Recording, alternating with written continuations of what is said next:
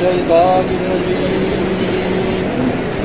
بسم الله الرحمن الرحيم. عبس وتولى أن جاءه الأعمى وما يدريك لعله يزكى أو يذكر فتنفعه الذكرى. أما من استغنى فأنت له تصدى وما عليك ألا يزكى وأما من جاءك يسعى وهو يخشى فأنت عنه تلهى كلا إنها تذكرة فمن شاء ذكره في صحف مكرمة مرفوعة مطهرة بأيدي سفرة كرام بررة قتل الإنسان ما أكفره من أي شيء خلقه من نطفة خلقه فقدره ثم السبيل يسره ثم أماته فأخبره ثم إذا شاء أنشره. يكفي أعوذ بالله من الشيطان الرجيم. بسم الله الرحمن الرحيم.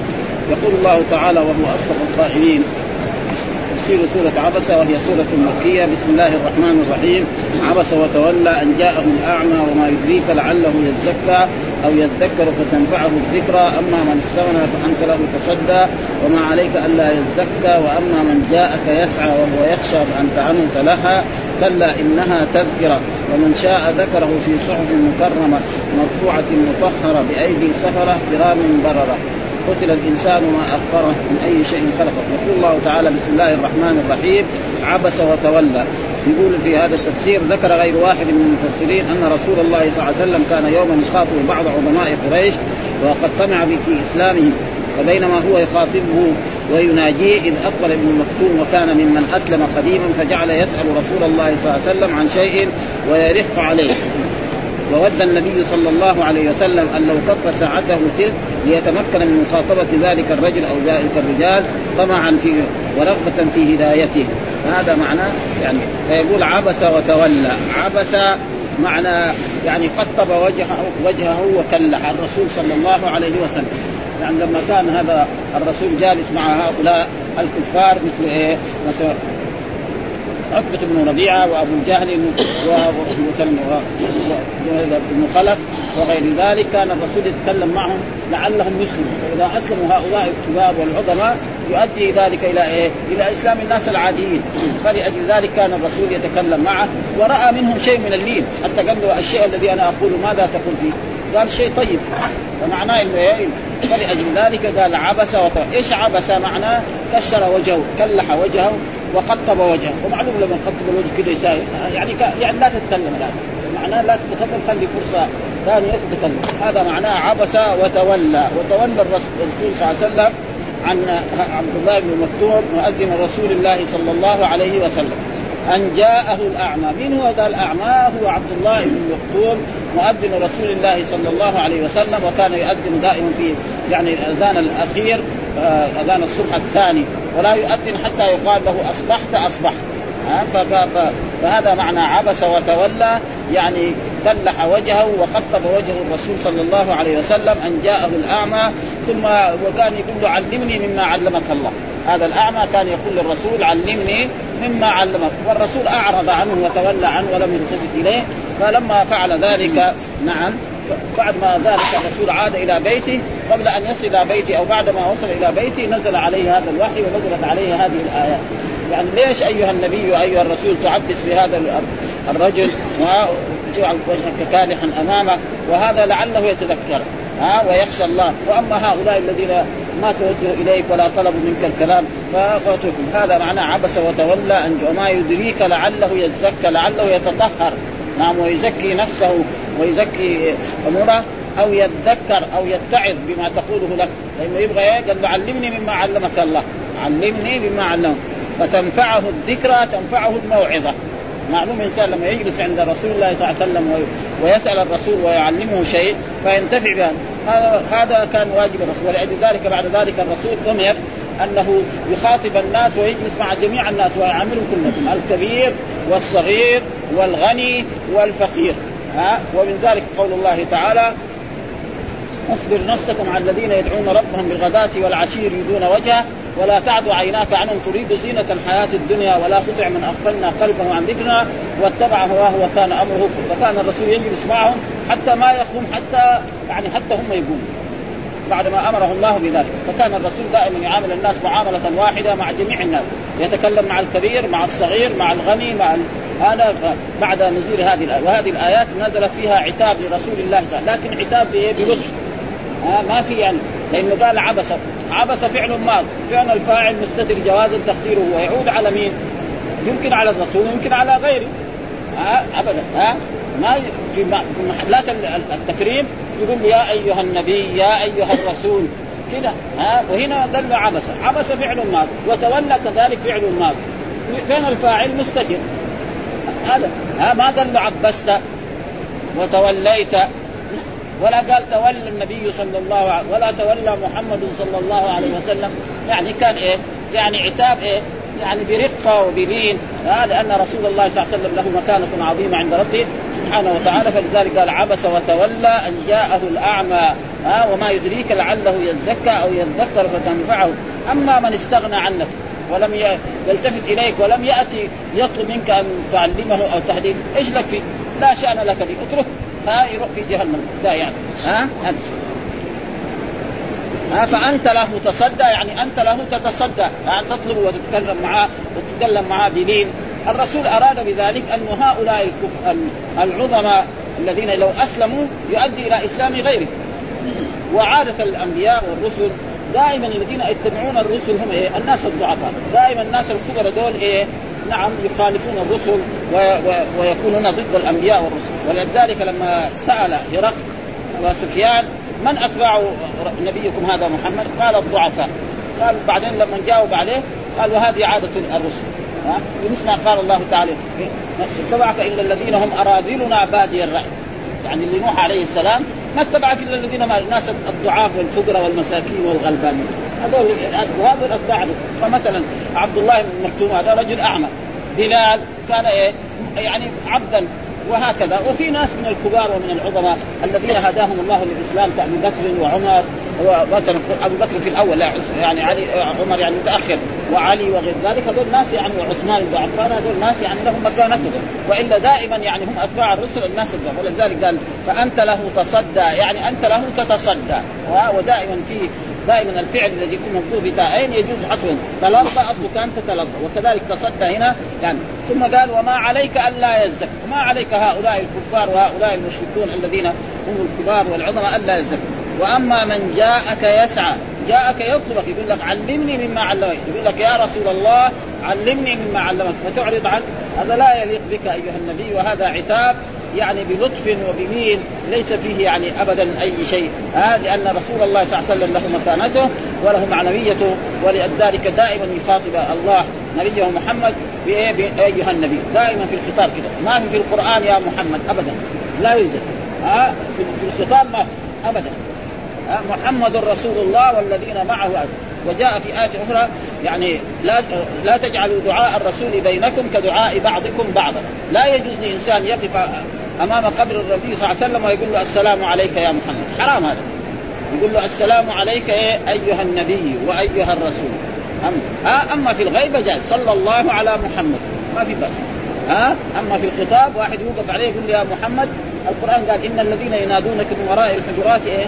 أكثرهم لا يعقل. ولو أنهم صبروا حتى تخرج إليهم لكان خيرا لهم. وهذا لازم أدب. أدب الله عباده. ادبا مع رسوله صلى الله عليه وسلم فيجب أن إيه ونحن نرى بعض من المسلمين يسلمون على رسول الله يقول له السلام عليك يا محمد. وهذا غلط منهم ابدا. ها لا يجوز في الخطاب أن يقال يا محمد. أما في الغيبه جاء قاله محمد صلى الله عليه وسلم أو أمر به محمد صلى الله عليه وسلم. أما في الخطاب لا. ها واحد يوقف على الرسول يقول له السلام عليك يا محمد. أو في عهد الرسول ولو الآن حتى اليوم ما يجوز واحد يقول له يا محمد في الخطاب. ها أبدا.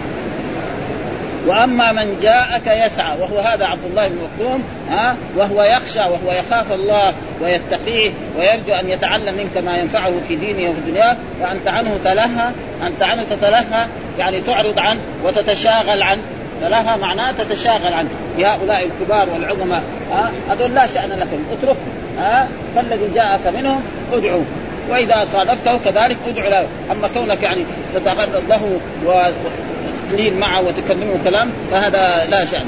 انت ثم بعد ذلك يقول كلا ها وهذه كلا قد نفسرها حقا. انها إنها هذه إيه؟ تذكرة. إن هذه السورة تذكرة. إنها تذكرة. هذه السورة تذكرة يعني عظة.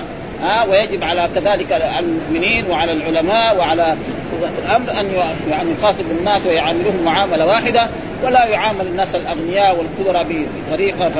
ثم قال فمن شاء ذكره. فمن شاء ذكره. ومعنى شاء ذكر يعني شاء ذكر الله تعالى في جميع أموره. ومن شاء ذكر ذكر الله في جميع أموره ويحتمل عود الضمير إلى الوحي لدلالة الكلام عليه. ومن شاء ذكر يعني ذكر إيه؟ الوحي. ومعلوم الوحي إيه؟ هو ما يوحي به الله سبحانه وتعالى إلى نبينا محمد إما بالقرآن أو بالأحاديث النبوية أو بالأحاديث القدسية. ف... ثم بعد ذلك يقول الله تعالى من شاء ذكر في صحف مكرمة. ها في صحف. الوحي هذا في إيه؟ في صحف مكرمة. وهذه الصحف إيه؟ الملائكة يأخذوها من اللوح المحفوظ مكرمة مرفوعة. لها مكانتها مطهرة. لا يقربها دنس ولا يقربها الشيطان وقد ثبت في أحاديث رأيناها كان قرأناها في أن الرسول صلوات الله وسلامه عليه لما كان في هذه المدينة وهاجر وقد حصل الزنا من يهوديين. فجاء اليهود فقالوا نحن نذهب إلى محمد. لأنه كان اليهود إذا زنى فيهم الغني نعم يتركوه. وإذا زنى الفقير يرجموه بالحجارة إذا كان محسن فصاحوا الفقراء والمساكين هذا الظلم وهذا أنتم ما تخافوا الله أيها العلماء وأيها الحكام. فبدلوا ذلك وكتبوا أن مثلا من زنى نعم يسود وجهه ويركب على حمار ويدور في البلد. فوافقوا الفقراء. صار إيه؟ يعني سوا نحن الفقراء والأغنياء سوا. فحصل زنا فقالوا نروح نسأل محمد هذا هذا ما يقول محمد فإذا قال لنا الحكم فيه خفة يصير نقدر. فجاءوا إلى النبي صلى الله عليه وسلم فقال لهم الرسول ائتوا بالتوراة. آه جيبوا التوراة فاتوا بالتوراة وقال لهم اقرأوا ما في التوراة. فلما قرأوا ما في التوراة وأرادوا إيه؟ لأن الرسول ما يعرف العبرية. رجل أمي لا يعرف العبرية ولا يعرف الكتابة ولا القراءة فأراد أن يضع فرفع يده وإذا به مكتوب أن الزاني المحصن يرجم بالحجارة. ولما أتوا بالتوراة كان الرسول جالسا على وسادة. ها فأخذ الوسادة ووضعها وقال له ضع التوراة عليه. فمن واجب طلبة العلم أن يعظموا الكتب العلمية. نحن نرى في هذا المسجد بعض إخواننا من طلبة العلم يأتي بالكتب ويرميها في محل النعم ما يصير يعني. ها؟ يعني كثير بيصير مشاغبات مع بعض يعني الإخوان وبعض الناس المصلين فيقول لك التعظيم في القلب ما يصير يعني. لأنه لو كان عنده مشلح جديد اشتراه. أو ثوب جديد ما يرميه في محل النعم كلام يعني صراحة يعني. ها؟ لو عنده مثلا اشترى له مشلح ب 500 ريال ما يرميه في هذا المكان. أو اشترى له أشياء كذا ثمينة ما يرميها في هذا المكان. فيجب على طلبة العلم أن إيه ويؤدوا إيه مشاغبات لا لا يعني لا, لا حاجة له ها؟ في الصف الأول يعني خصوصا أول يعني بس بعيد خف شوي. فما ينبغي. هذا الرسول يعني والحديث في سنن أبي داود. أنا وجدته وموجود في قول الله تعالى في سورة المائدة يا أيها الرسول لا يحزنك الذين يسارعون كل الذين قالوا آمنا بافواههم ولم تؤمنوا فيها بعد هذه الآية. أخرجه أبو داود أنه لما جاءوا بهذا بالتوراة كان الرسول جالسا على وسادة أخذ الوسادة ووضع وقال ضع التوراة عليه. ها؟ فاذا ها؟ وكذلك كذلك مثلا يعني هذا المحل طاهر ما في شك. مثلا أنا حط كتاب معلش المصحف له محل. كذلك مثلا بعضهم يشد مثلا هذا الكتاب يقول لك لا تحط هنا لا هذا لأنه هذا المحل طاهر أنا بأصلي عليه. ها؟ ثم هذا الكتاب أنا لو وضعته في محل بعيد قد يجي إنسان يظن انه إيه مصحف ويأخذ ويضيع كتابي.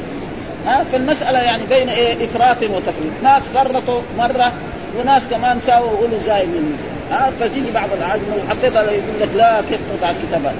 ما يصير هذا أه؟ فالمسألة كتاب الله لازم نحترمه وهذا يعني حديث موجود. يعني يمكن بعض إخواننا يشوفوا في إيه؟ في في قول الله تعالى في سورة المائدة يا أيها الرسول الحديث أخرجه أبو داود وسكت عنه. ومعلوم الحديث الذي يخرجه أبو داود ويسكت عنه معناه حديث إيه؟ صحيح أو حسن يعني يحتج به. كل الأحاديث اللي ذكرها أبو داود في سننه إلا أحاديث يعني قليلة بدري أربعة أو خمسة. يعني تكلم فيها وبين أن فهذا معناه في صحف مكرمة كرام بررة كرام بررة يعني هؤلاء الملائكة كرام بررة ولأجل ذلك كان من الأحسن أن الإنسان حتى إذا أراد أن يمس المصحف يكون طاهر. وإنه جاء في حديث آه يعني ابن حزم لا يمس القرآن إلا طاهر. لا يمس القرآن إلا ما قال إلا متوضئ فإيش معنى طاهر؟ واصح الأقوال أن كثير من العلماء يرى أن الإنسان لا يمس المصحف إلا هو متوضئ ها رافعا الحدث الأصغر والأكبر. وأما القراءة فله أن يقرأ غيبا وهو إيه؟ يعني وهو محدث حدثا أصغر. ها أما إذا كان جنب فلا يقرأ ولا آية. إذا كان جنب لا يقرأ ولا آية. ولكن ومع ذلك في بعض العلماء يقال منهم البخاري رحمه الله تعالى تقريبا مر علينا لما قرأنا يعني في أوله في التيمم يكاد هو من الجماعة الذين يروا أنه جائز. ها؟ جائز. واستدل بأشياء كثيرة منها آه يعني أن الرسول لما كتب كتاب إلى هرقل وإلى كسرى وإلى قيصر هذول إيش يقدروا؟ كفار. ها؟ يعني عليهم جنابة. وكانوا أخذوا الكتاب وقرأ يقول إيش الفرق بين قراءة آية وبين قراءة؟ ها؟ ما في ما في ما في. وبسم الله الرحمن الرحيم. أن الإنسان إذا ذبح يقول بسم الله الرحمن الرحيم. والعلماء يقول لا. مثلا أكثر العلماء يقول لا. الجنب لازم ما ما يقول بسم الله الرحمن الرحيم. إن كان يقول يقول بسم الله بس. أو يقول أعوذ بكلمات الله. لأن الجنب يقدر يزيل الجنابة. دغري بعد خمسة دقائق يغتسل خلاص. لكن المرأة الحائض والمرأة النفساء العلماء رخصوا لها أن تقرأ القرآن. لأن المرأة الحائض قد تحيض خمسة أيام. ثمانية أيام عشر أيام وهي تكون مثلا مدرسة أو مثلا تحفظ القرآن. فالعلماء يعني جعلوا هذه الأشياء. وإلا يعني حقيقة الجنوب يعني قال الرسول كان يقرئنا الآية نعم ما لم يكن جنبا والبخاري يعني نحن نقول هذا لطلبة العلم. هذا الكلام ولا يحتاج أن نقوله لإيه؟ للعوام ولا لهذا لطلبة العلم. استدل البخاري في صحيحه أن الله كان يذكر الله على كل أحيانه على كل أحيان. كل أحيان معناه إيه؟ هذا استدلاله يعني والشوكاني تقريبا يميل إليه. ها؟ ولا على كل حال نحن نرى إن القرآن لا يمس القرآن إلا طاهر وأنه لا يقرأ القرآن الجنوب هذا الذي يؤمن الله به. ولكن هذه لا يؤدي إلى أن إنسان ينكر على من قال شيء من ذلك. لأنه في بعض إخواننا يقولوا مرة من المرات إن الشيخ علي قال على المنبر أن ذلك جائز وسألني أنا. قلت أنا ما والله ما أتذكر. لكن تبغى أنت شوف البخاري. ما أحتاج. البخاري موجود. وفي أي باب؟ في كتاب في كتاب الحيض ذكر. ها؟ يعني تعرض هذه المسألة في كتاب الحيض وذكر هذا ها؟ وذكر تحت باب أن أن الحائض يعني تفعل كل المناسك إلا الطواف. وراح ذكر هذه الأشياء. ومعلوم البخاري ما هو يعني الرجل السهل آه من الآن. ثم بعد ذلك قال قتل الإنسان ما اكثره قتل معنى لعن. أي إنسان؟ الإنسان الكافر. يعني لو قال إيش المراد بالإنسان؟ يعني كل الناس بني آدم لا ها المراد بالإنسان في هذه الآية الكافر. ها وهذا يجي مرات. الإنسان يجي إيه؟ كل الإنسان. مثلا ما خلق الإنسان ضعيفا. في إنسان ما هو ضعيف؟ لا يوجد أبدا. ها؟ ما في. لكن هنا قتل الإنسان معنى الكافر. زي هذول الجماعة اللي إيه؟ كانوا مع رسول الله والرسول كان يرشدهم أبو جهل وأبو لهب. زي هذول هم قتل الإنسان يعني لعن ها؟ ما أكثره. يعني ما أشد كفره ها؟ مع أن الله خلقه نعم ووجده من العدم إلى الوجود وتكرم عليه بالرزق وتكرم عليه بالولد فكان لازم إيه؟ يعني يقدر هذه النعم ويعبد الله حق عبادته ولا يكفر بهذه ها؟ من أي شيء خلقه هذا كذلك هذا الإنسان اللي يقول ما في بعث. ابدا. ها؟ بس الناس يموتوا خلاص. ها؟ ما هي إلا بطون تلد طيب أنت أيها الإنسان من أي شغل؟ هو يعرف نفسه يعني. أي إنسان عارف إنه إيه؟ إنه خلق أصله من المني. كل الناس عارفين هذا. إلا خلقت من من قطعة المني ده بعد ما يميتك وتدفن في الأرض وتجلس آلاف السنين. بعد ذلك الله ما يحيي. صح؟ ها؟ وهذا معناه من أي شيء خلق. من أي شيء خلق الإنسان الرب؟ قال خلقه من نطفة خلقه النطفه إيش هي؟ ماء. يعني قدر كده ضعيف. خلقه. ثم بعد ذلك يعني هذا النطفة تجلس كما جاء في الأحاديث أربعين يوما نطفه ثم يكون علقة ثم يكون مضغة مثل ذلك. بعد أربع اشهر يرسل إليه الملك فيكتب رزقه وأجله وعمله وشقي أو سعيد. قال ثم السبيل يسره. ثم يسر له الخروج من بطن أمه.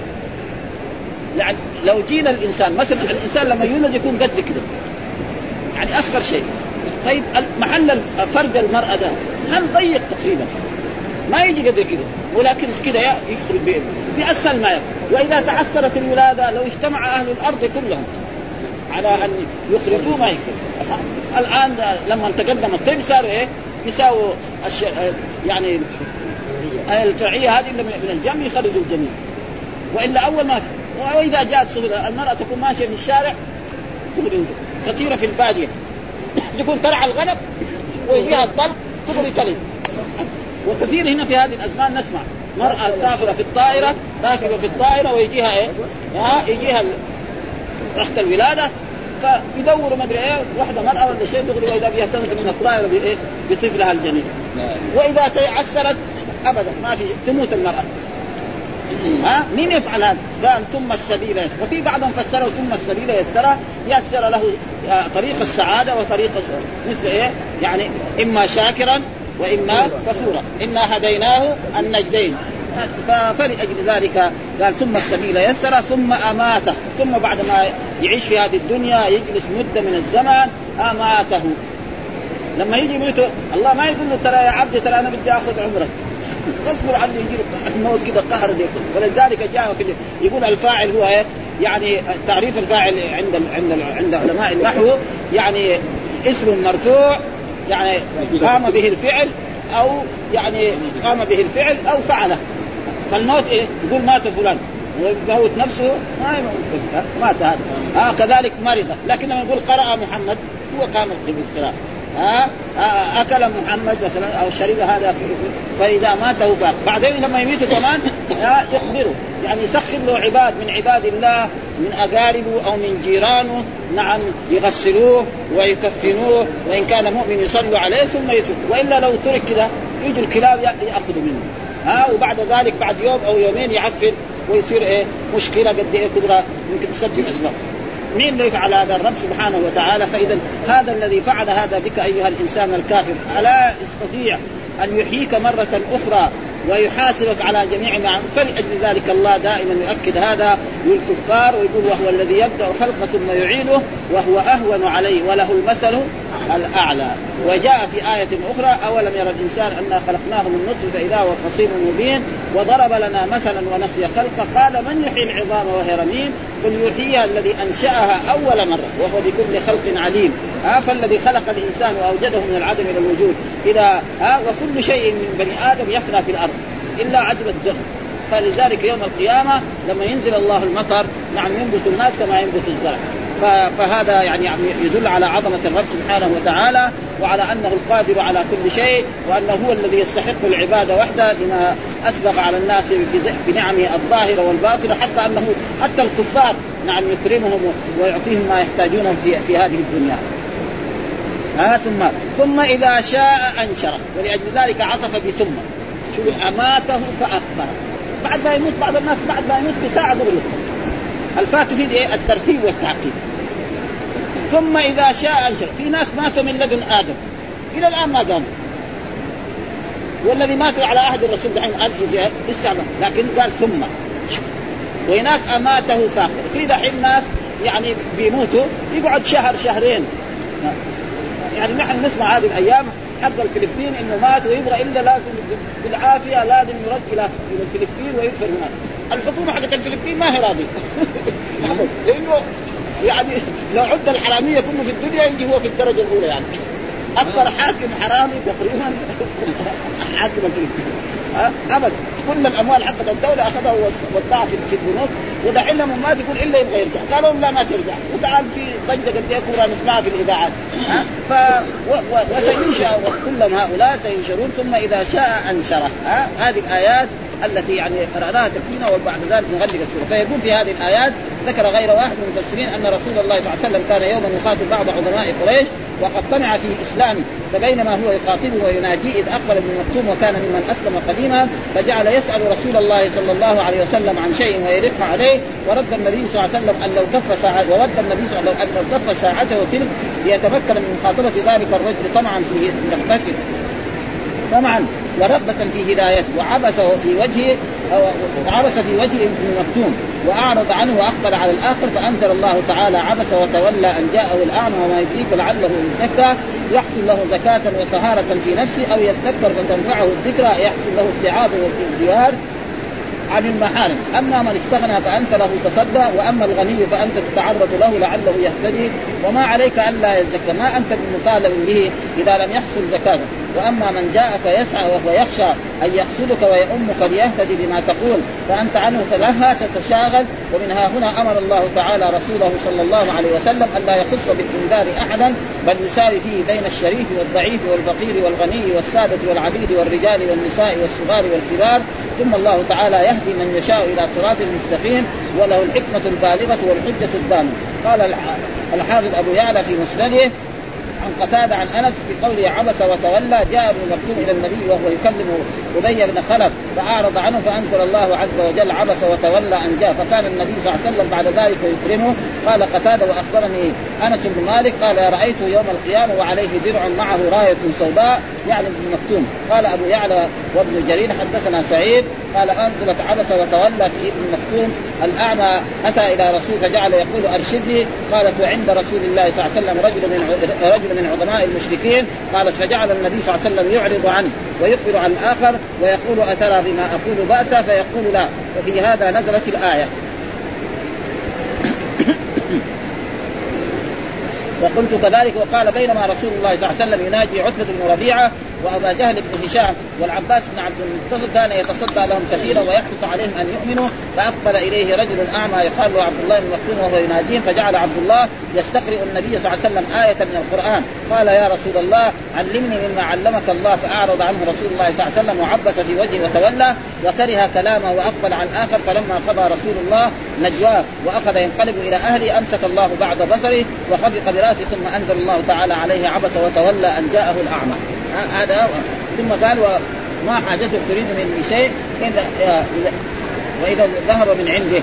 قال هل لك حاجة في شيء؟ وذلك لما أنزل الله تعالى أما من استغنى فأنت له تصدى وما عليك ألا يزكى فيه غرابة وإنكار.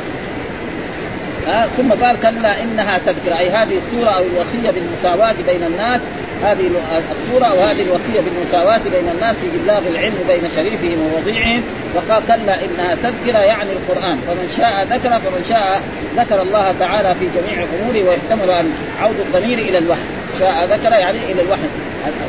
وقوله في صحف مكرمة مرفوعة مطهرة أي هذه السورة أو عظة وكلاهما متلازمان. بل جميع القرآن في وصف في صحف مكرمة معظمة موقره مرفوعة عالية القدر مطهرة أي من الدنس والزيادة والنقص وقوله تعالى بأيدي سفر قال ابن عباس ومجاهد والضحاك ومن زيد هي الملائكة. ها؟ السفراء المراد هي الملائكة.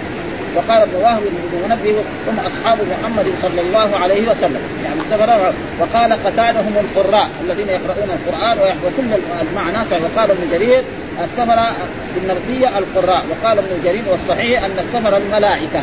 هذا هو أصح الأقوال. والسفر يعني بين الله تعالى وبين خلقه ومنهم السفير يسعى بين الناس بالصلح والخير.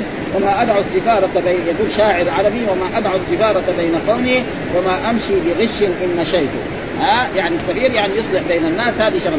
وقال في سفر سفرة الملائكة قالت أصلحت بينهم. وجعلت الملائكة إذا نزلت في وحي الله تعالى وتأديته كالسفير الذي كرام برة أي خلقهم كريم خلقهم كريم حسن شريف. خلقهم كريم حسن شريف وأخلاقهم وأفعالهم باردة باردة طاهرة.